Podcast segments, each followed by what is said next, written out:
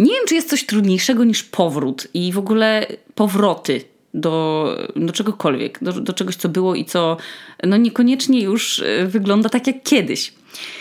Znaczy wiecie, to na przykład powrót do szkoły po wakacjach. No to przecież to jest zazwyczaj coś okropnego, no chyba, że się bardzo lubi swoją szkołę i, i się bardzo tęskni za jakimś nauczycielem albo za przyjaciółmi.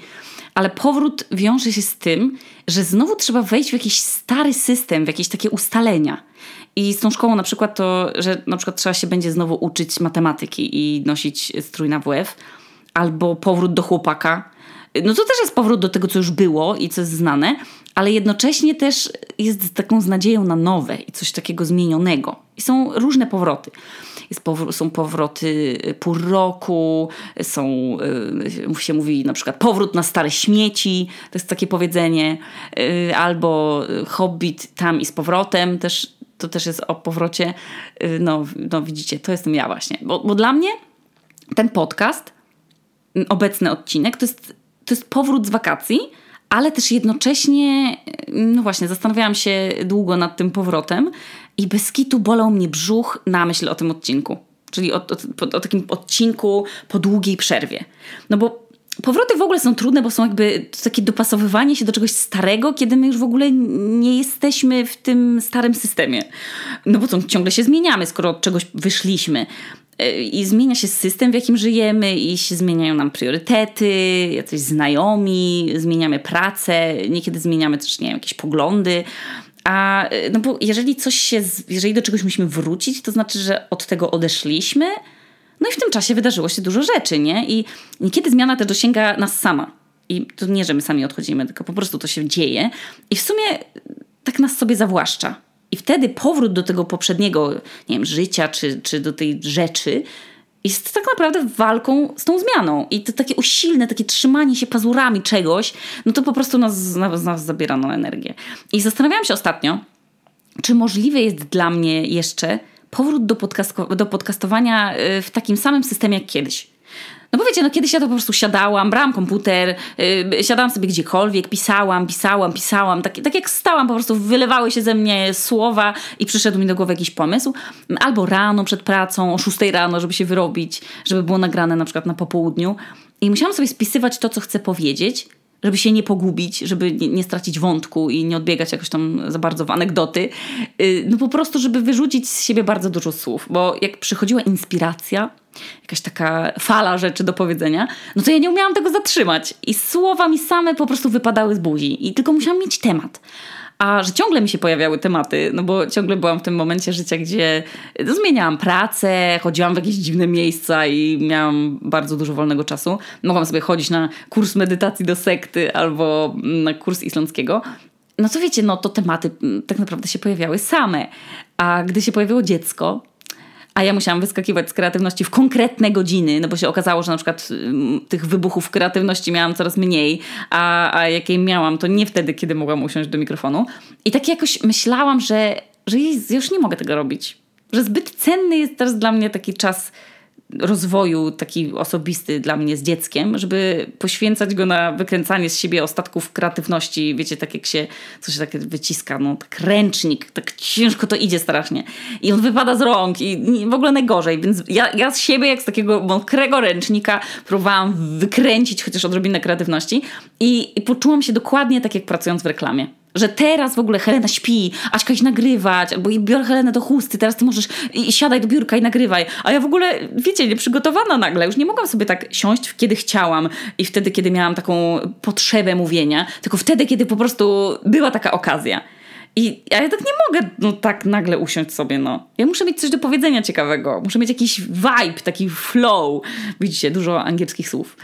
Ale Jezu, no natworzyłam tu metafor, a ja po prostu chciałam sobie, sobie jakoś w głowie poukładać ten ostatni rok. No bo ten rok chyba w ogóle, no podsumowanie tego roku będzie super podcastem, no bo to był mega intensywny i taki ogromny rok zmian. On był jedną wielką zmianą. I biły się, słuchajcie, we mnie jakieś takie dwa wilki Jeden ten taki leniwy, ten rozlazły, taki co by tylko jadł chipsy i leżał na kanapie i, i po prostu by mówił, no tak już musi być, no to jest właśnie życie i raz jest pora na nagrywanie sobie podcastów, a raz jest pora na obowiązki rodzicielskie.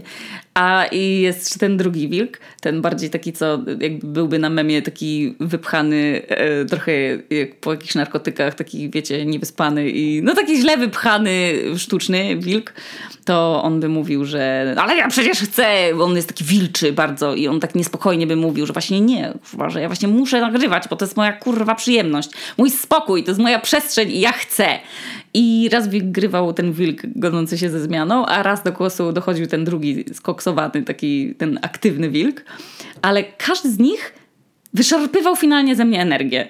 I tak doszłam do momentu, tego teraz, że oto mogę wrócić do starej rutyny i brać sobie kawę i iść sobie do pokoju i zakładać słuchawki i robić podcasty i robić to, co mi sprawia taką bez kitu, no, czystą radochę. No. Sama dla siebie, wymyślać sobie, spisywać, planować, mieć swoje biureczko zawalone kartkami z notesu. I przyszedł czas, kiedy nie muszę już tych moich dwóch wilków trzymać w klatkach, y, tych wypchanych wilków, i nie, no nie ma tu żadnego sukcesu, słuchajcie, y, w tym, że ja to sobie jestem taką w ogóle multitaskerką i z małym dzieckiem i coś tam. Y, nie, ja po prostu Heralda już jest na tyle duża, że może wytrzymać bez mojego mleka 3 godziny, a ja mogę pracować. No, tylko tyle się zmieniło. Wilki nadal są, jak chcecie, to ja mogę wam pokazać zaraz. No ale dobra, dziś będzie odcinek o powrotach. O różnych powrotach. Mój pierwszy powrót, jaki sobie w ogóle e, przypominam, to był pierwszy powrót ze studiów do domu rodzinnego. Wiecie, kiedy już wam się w ogóle wydaje, że skoro się wyprowadziliście od rodziców, to już jesteście tak serio dorośli i już możecie sobie sami ustalać rytuały, czy odnosić pusty kubek po kawie od razu do zmywarki, czy sobie na przykład tworzyć festiwal kubków i talerzy na sofie, czy w łóżku, no i, i czy jeść na śniadanie owsiankę, czy białego Kinder Bueno i czy w ogóle, czy takie wiecie, w imię buntu, że można robić co się chce, tylko sobie na przykład na śniadanie palić szluga. No to ten pierwszy przyjazd do domu po wyprowadzce, to było dla mnie jakieś takie uczucie, że nadal tam były w sumie moje rzeczy, w sensie nadal w moim pokoju rodzinnym są jakieś moje książki i trochę ubrań, ale jednak na ścianie już nie wiszą moje plakaty, tylko jakieś obrazy kwiatów, y, a na półkach już nie stoją moje stare aparaty, kolekcja, tylko modele wojenne, które mój tata sobie składa y, i maluje. Y, I ten powrót to było już takie wyzwolenie że ja już trochę jestem gościem, ja tak nie u siebie i że ja już tu nie mam obowiązków w stylu wyjęcie naczyń ze zmywarki, czy jak u mnie w domu się mówiło opróżnienie zmywarki, czy tam odkurzanie, e, tylko ja to mogę zrobić z chęci, a nie, że zobowiązuje mnie do tego zasada, że jak już się mieszka razem w domu, to się razem dba o czystość.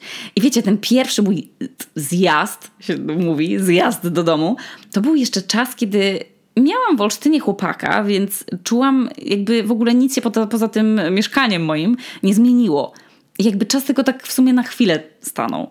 I pamiętam, że czułam się już taka na maksa dorosła, że już tak ach, sobie sama robię sprzątanie co sobotę i sama decyduję, jaki płyn do kibla sobie kupię do mycia i co będzie w lodówce i jaki odświeżacz kupię na promocji. Mm, no dorosłość, no, tym, tym wtedy dla mnie była. Tym odświeżaczem powietrza y, dopasowanym do w sumie osobistych preferencji. A teraz ten powrót do domu rodzinnego, kiedy już sama mam swoją rodzinę, no to wiecie, jak się czuję, jakbym trochę jakbym była znowu malutka. I to jest najlepsze uczucie świata, bo wszyscy się cieszą, że nas widzą. I mama z radością mi kulga knedle ze śliwkami, tak jak w dzieciństwie. Wiecie, nikt inny tego nie je, tylko dla mnie trochę tych ziemniaczków ugotuje. Że robi najlepsze pierogi ruskie, tak jak robiła, jak byłam czasem chora i ją prosiłam, żeby robiła. A tata robi herbatkę taką, jak ja byłam mała i mi robił. Wiecie, normalnie się czułam teraz znowu jak jakaś nastolatka, jak dziecko moich rodziców znowu, małe dziecko. I to było. I mama mi nawet zrobiła pranie, słuchajcie. I to było super uczucie. Wąchanie tego proszku, którego ja już nie używam, i on pachnie moim starym domem. No po prostu przesuper uczucie. Powrót do domu rodzinnego jako dorosły człowiek Zwłaszcza po takim długim czasie, no bo, bo w domu rodziców byłam w zeszłym roku no jeden raz i w sumie teraz w tych czasach yy, pandemicznych, no to tylko raz w roku jeździmy. Yy, I z tymi zapachami. Yy, to jest na nowo odkrywanie tych samych rzeczy, ale też znajdowanie swojego ulubionego talerzyka z kaczorkami na przykład. Albo picie z y, filiżanki babci Anielki ostatniej, y, co się zachowała jeszcze. Albo oglądanie kolejnego pokolenia w ogóle bawiącego się na tle tej przeklętej meblościanki, której mój tata zawsze wszelki, no, za wszelką cenę, nie chce się pozbyć, a moja mama ma ochotę ją po prostu pociąć siekierą i wyrzucić. Mm, I to, to, to był taki powrót do uczucia bycia małym dzieckiem. I wiem, że dla wielu e, moich znajomych też i pewnie dla wielu z Was powrót do domu rodzinnego e, jako dorośli wcale nie jest niczym miłym i, i bywa traumatyczne. E, ja myślę, że gdybym dłużej i częściej bywała w domu rodzinnym, to też byśmy się kłócili z rodzicami, bo to jest myślę, że nieuniknione, jak się ma swoje zdanie i się mm, lubi go czasem bronić. Ale serio, to było tak miłe doświadczenie teraz wrócić na te, no tak jak się mówi, na te stare śmieci. Mm, smutne to jest trochę, że jest się w sumie w domu rodzinnym. Kiedyś po prostu było się tym mieszkańcem, a teraz jest się gościem. I że już coraz trudniej nadążyć ze zmianami, za remontami albo jakąś wymianą ulubionych sztućców. I taka mnie bierze refleksja, że to jest i fajne, no bo wyfrunięcie z gwiazda jest, gniazda jest po prostu naturalną koleją rzeczy, ale to też taki smutek, no bo w sumie nie, nie, nie chcę być jeszcze dorosła, wiecie. I, i, no i to słodkie takie było. No wiecie, że rodzice się tak na maksa starają, żebym się czuła nadal tak, jakbym e, była u siebie. Mm, mimo tego, że to jest już ich dom. E, tylko ich. Ja to naprawdę doceniam i przepiękne uczucie to jest, że rodzice, takie, takie nie, przepiękne mm, takie odczucie, o, że rodzice nie przestają o nas dbać, nawet kiedy się stajemy coraz bardziej dorośli. Jeżeli nie macie wy takiego doświadczenia, e, no to tulę was bardzo do serca e, i mam nadzieję, że potraficie to ukojenie i takie bycie dzieckiem po prostu znaleźć gdzie indziej. Drugi powrót, e, taki powrót, który pamiętam, mm, ale który ma ogólnie bardziej smutną niż wesołą refleksję, to był, słuchajcie, mój powrót do chłopaka. I pewnego dnia, jak miałam chyba z 20 lat, 19, no, chyba 20 lat, no to poczułam, że dziś jest ten dzień. I to był ten dzień, ten Dzień Niepodległości, jak go nazwałam w idiotkach, że, że to dziś ta moja cierpliwość się niestety skończyła. I te nadzieje się przede wszystkim wyczerpały. Y, no i że już dalej, no to, to już nie da rady istnieć. I to był mój pierwszy chłopak. I w zasadzie, słuchajcie, ja nie miałam za dużego doświadczenia, jak się z ludźmi rozstaje. I no mogłam oczywiście skorzystać z podpowiedzi gazety Kosmo albo Dziewczyna i zerwać z nim jakimś takim tekstem, że traktujesz mnie jak księżniczkę, ale ja nią nie jestem. Ale y, to po pierwsze byłoby kłamstwo, bo, on mnie wcale nie traktował wtedy jak księżniczki, ani nawet tego nie chciałam. A po drugie, no to miałam jednak w tej relacji pięcioletniej yy, jakąś taką godność tej, tej relacji i, i duży szacunek, jak na dwudziestolatkę. I słuchajcie, no to był ten dzień.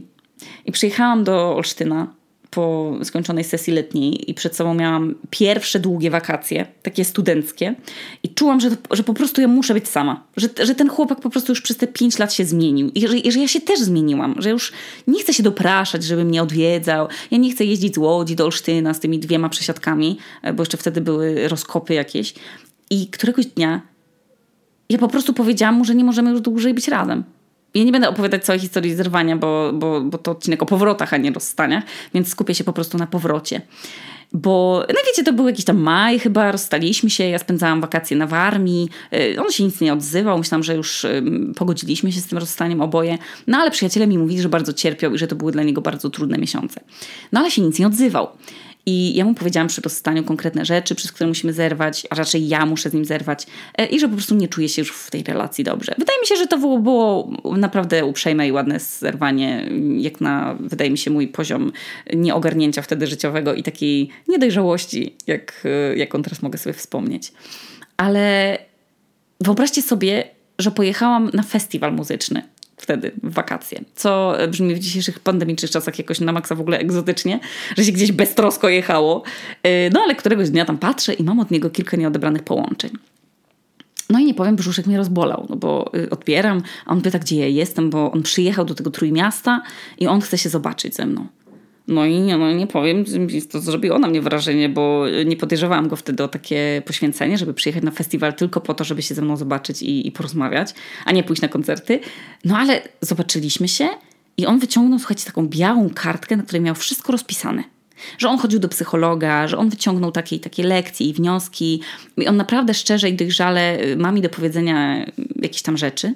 I mnie wryło, słuchajcie, bo to było jakieś w ogóle abstrakcyjne. Ja, ja widziałam w jego oczach autentyczne przejęcie i taką, taką zmianę, serio.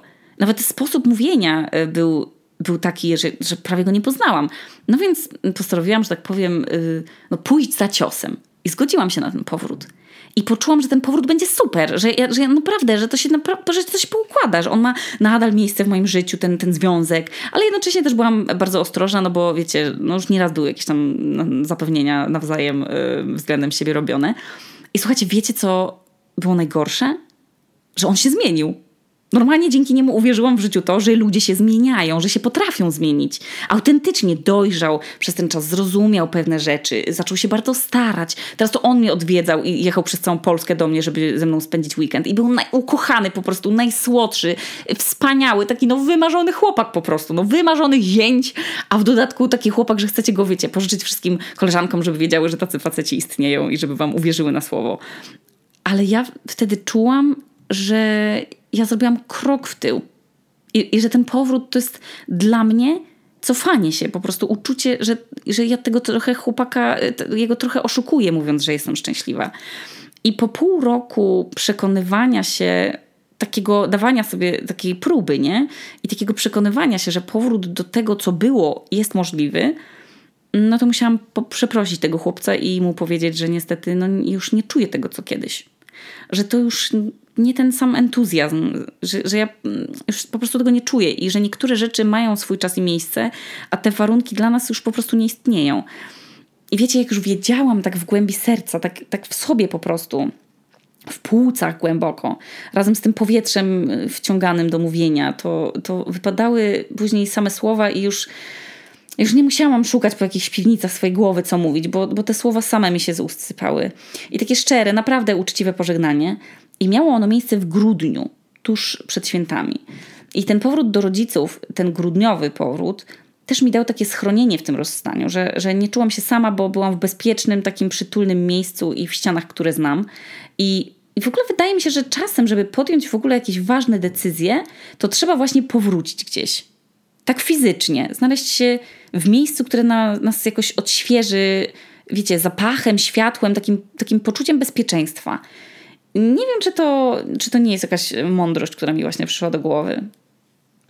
Muszę, muszę jeszcze nad tym, e, właśnie to wymyśliłam i, i faktycznie we wszystkich moich jakichś takich powrotach, e, sorry, w jakichś takich um, sytuacjach po, po, podjęcia ważnych kroków, musiałam zawsze w tym domu rodzinnym się pojawić. Jest to ciekawe odkrycie, słuchajcie, przemyślę sobie je jeszcze przed snem dzisiaj. No ale nieważne. Tak sobie, jak sobie w ogóle szukałam e, jeszcze w głowie różnych powrotów, to ten powrót do pierwszej miłości okazał się być najsmutniejszym powrotem. Takim, który się nie udał i przez który się czułam jak oszustka przez pół roku. Albo zakłamywałam rzeczywistość, albo okłamywałam chłopaka, no, no i siebie. Fatalny powrót, który nauczył mnie, że w sumie czasem, kiedy się do kogoś wraca, to można czuć jeszcze większą samotność niż, e, niż będąc samemu. Fatalne to było. Ale nie tak fatalne, słuchajcie, jak nasz pobyt w hotelu Robert Sport w Mikołajkach, ale opowiem wam o tym w innym odcinku. No dobra, ale teraz wam opowiem o powrocie z wakacji. No bo o powrocie do Polski na miesiąc opowiem wam w innym odcinku, bo to jest, słuchajcie, taka historia długa, że ja to muszę rozbić na dwa odcinki, na ten i na nadchodzący. Bo powrót z wakacji to jest trochę jak taki zjazd takimi saneczkami po stoku, na którym już wcale nie ma śniegu. I słuchajcie, bardzo wolno zjeżdżacie. Praktycznie to jest kurwa niemożliwe. Jedziecie tak wolno i, i zapieracie się nogami y, te, te, te, i rękami tego błota. To jest po prostu nieprzyjemne. To, to, nie jest fajny zjazd. Nie chcecie, żeby ta jazda się kończyła, ale zsiądziecie z tych, zejdziecie z tych sanek, ale coraz bardziej zwalniacie i one się po prostu nagle zatrzymują. A wy jesteście kurwa w połowie górki i już się nie da, nie da się cofnąć i wejść na górę, a już na dół musicie zjechać na dupie. No i taki właśnie jest każdy mój powrót z wakacji. Najgorsze w powrotach z wakacji są dwie rzeczy. Pierwsza to jest pranie, to o czym wiedzą wszyscy, albo w ogóle wait. Nie, nie pranie. Pakowanie. Pakowanie jest najgorsze. Jak już wiecie, że musicie się z powrotem zapakować do tego samolotu i wrócić do domu. Jedziecie w ogóle do Polski z dwiema walizkami a wraca się z trzema. Jak to się dzieje, że zawsze, se będąc emigrantami, na zamawiamy tyle rzeczy, tam z Vinted, z Alixa, jakiś tam promek. Ja sobie na przykład zamówiłam 16 par majtek ulubionych, tych czarnych, buty wiosenne, jakiś milion książek dla Heleny, kaszki w jakiejś hurtowej ilości moje ulubione. I słuchajcie, to trzeba gdzieś spakować, no. To się nigdy nie mieści. A później jeszcze człowiek, emigrant, idzie do Rossmana i tam jest tyle nowości, Jezu, tyle pięknych kosmetyków, których w ogóle no, nie dałoby się nawet złożyć w dwa lata bez kitu. Jakieś piękne serie nowe w jakichś ładnych opakowaniach. No chryste, kapitalizm to, no to jest przekleństwo naszych mózgów, no. Więc ja wchodzę tam, wiecie, tam do tego Rossmana. Mam ograniczony czas, no bo to tak w biegu, ale taką odżywkę i taką odżywkę i coś tam, i maseczkę, jakiś prezent dla Nety i słuchajcie, i pyki 200 zeta. No za nic tak wygląda, słuchajcie, wizyta w Polsce. Kończona zawsze wizytą w sklepie jakimś, żeby kupić jakąś najtańszą walizkę i zwieść to wszystko do domu.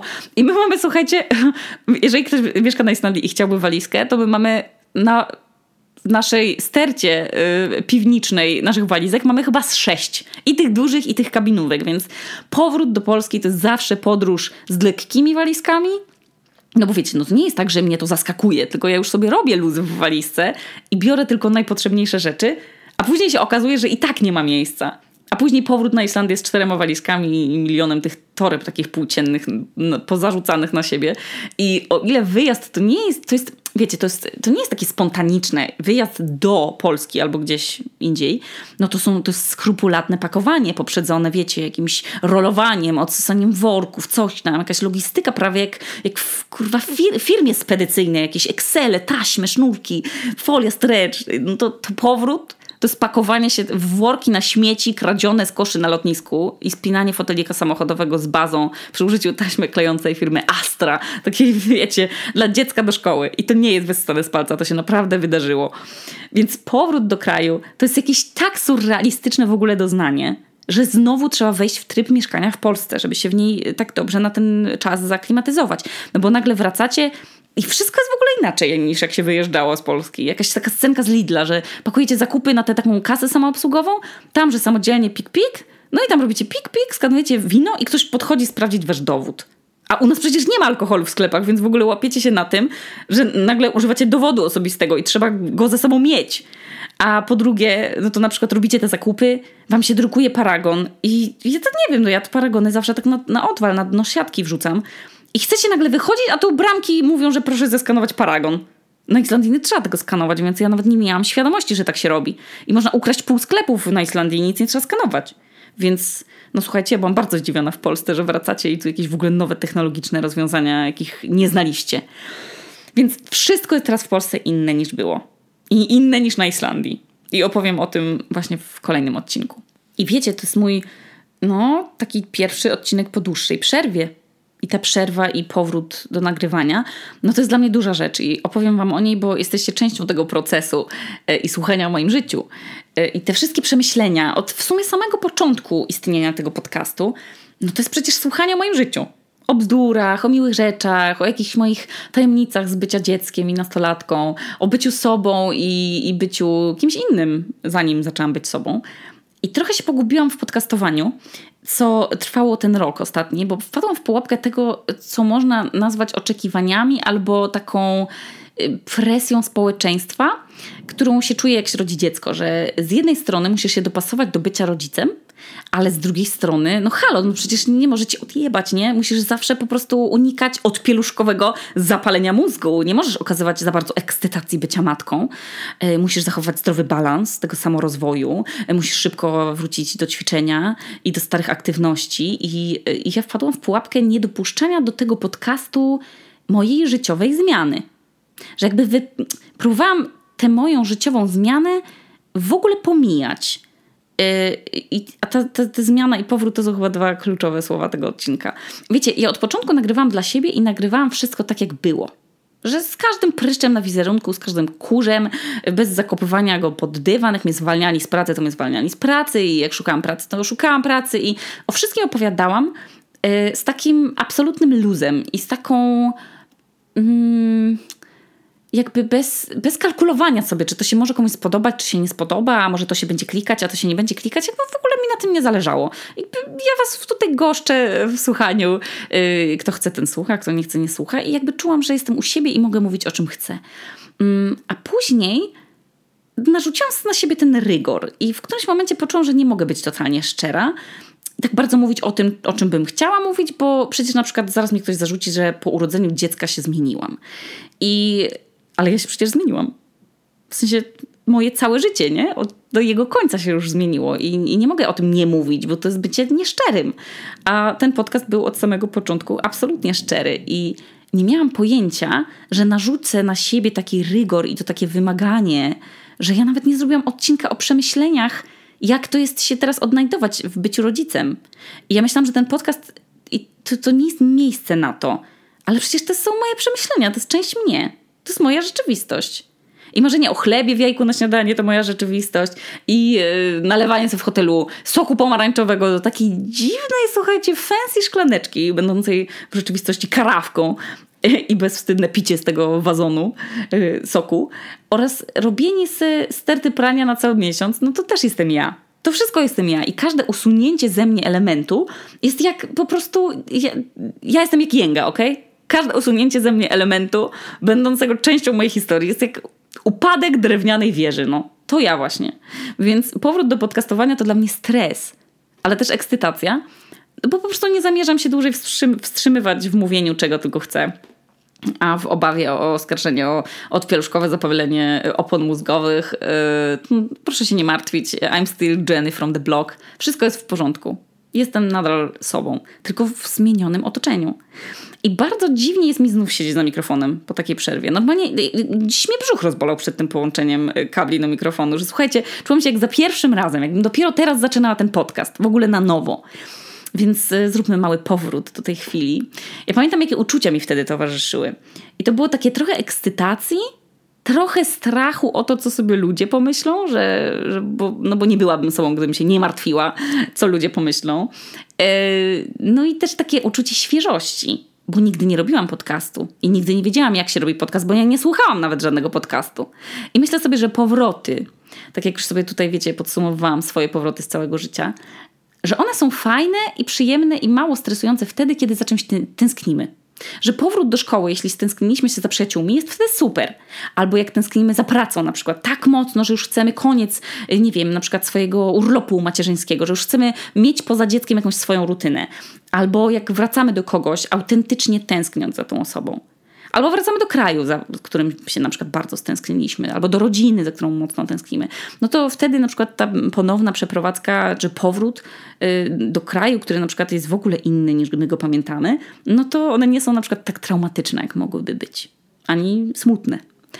I powiem Wam, że jestem tak stęskniona za podcastami i tak stęskniona za tym szczerym opowiadaniem i zapisywaniem tego, co mam w głowie, że, że już nie mogłam się doczekać, aż wrócimy na Islandię i będę mogła usiąść za mikrofonem. Poważnie, tęsknota u mnie przejawia się w ogóle w totalnie dziwny sposób, w ogóle co ciekawe.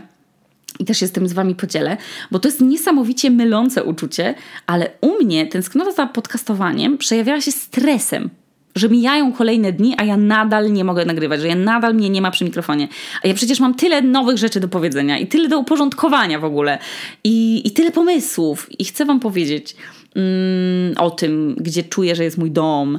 Y, chcę Wam powiedzieć, opowiedzieć o tym, co jest teraz y, dla mnie ważne, czego się boję, o czym marzę. No bo przecież mam nowe marzenia od 2018 roku. I nie, nie przesadzam mówiąc, że ten odcinek jest dla mnie takim trochę nowym początkiem, ale też powrotem do samej siebie y, i do tej Asi, która chce po prostu mówić ważne dla niej rzeczy bez przejmowania się opinią innych.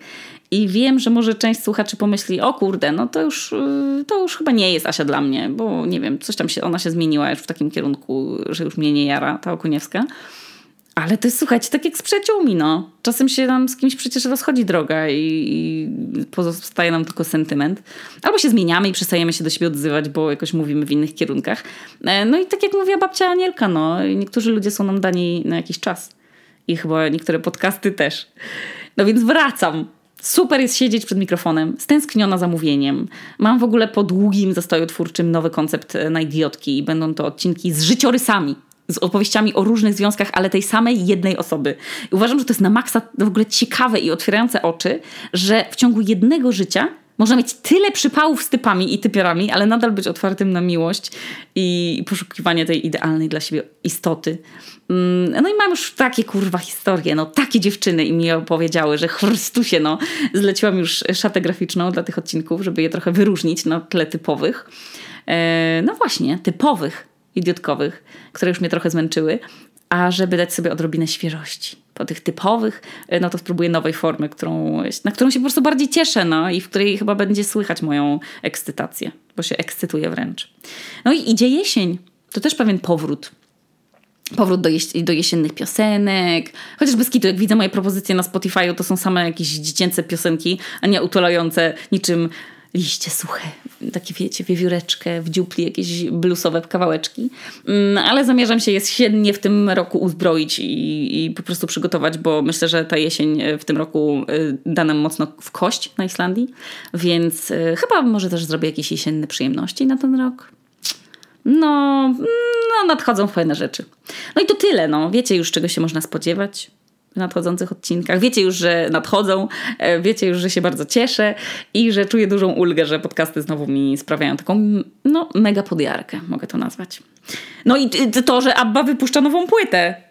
Mam nadzieję, że już w następnym odcinku e, dam wam e, moją opinię chociaż już naprawdę zaczynam się stresować, że najlepsze czasy Abby już za nami, ale dajmy im szansę. Ach, powroty, te powroty. Tak bym mogła bez końca, a przecież muszę siadać do pracy nad nowymi idiotkami, także do usłyszenia w kolejnych odcinkach. Tu Okuniewska. Ej, bez kitu w ogóle, jak dawno tego nie mówiłam. A muszę to, od, to w takim razie muszę to powiedzieć odświętnie. Tu Okuniewska z nadpiwniczki w Reykjaviku, a to był odcinek o powrotach.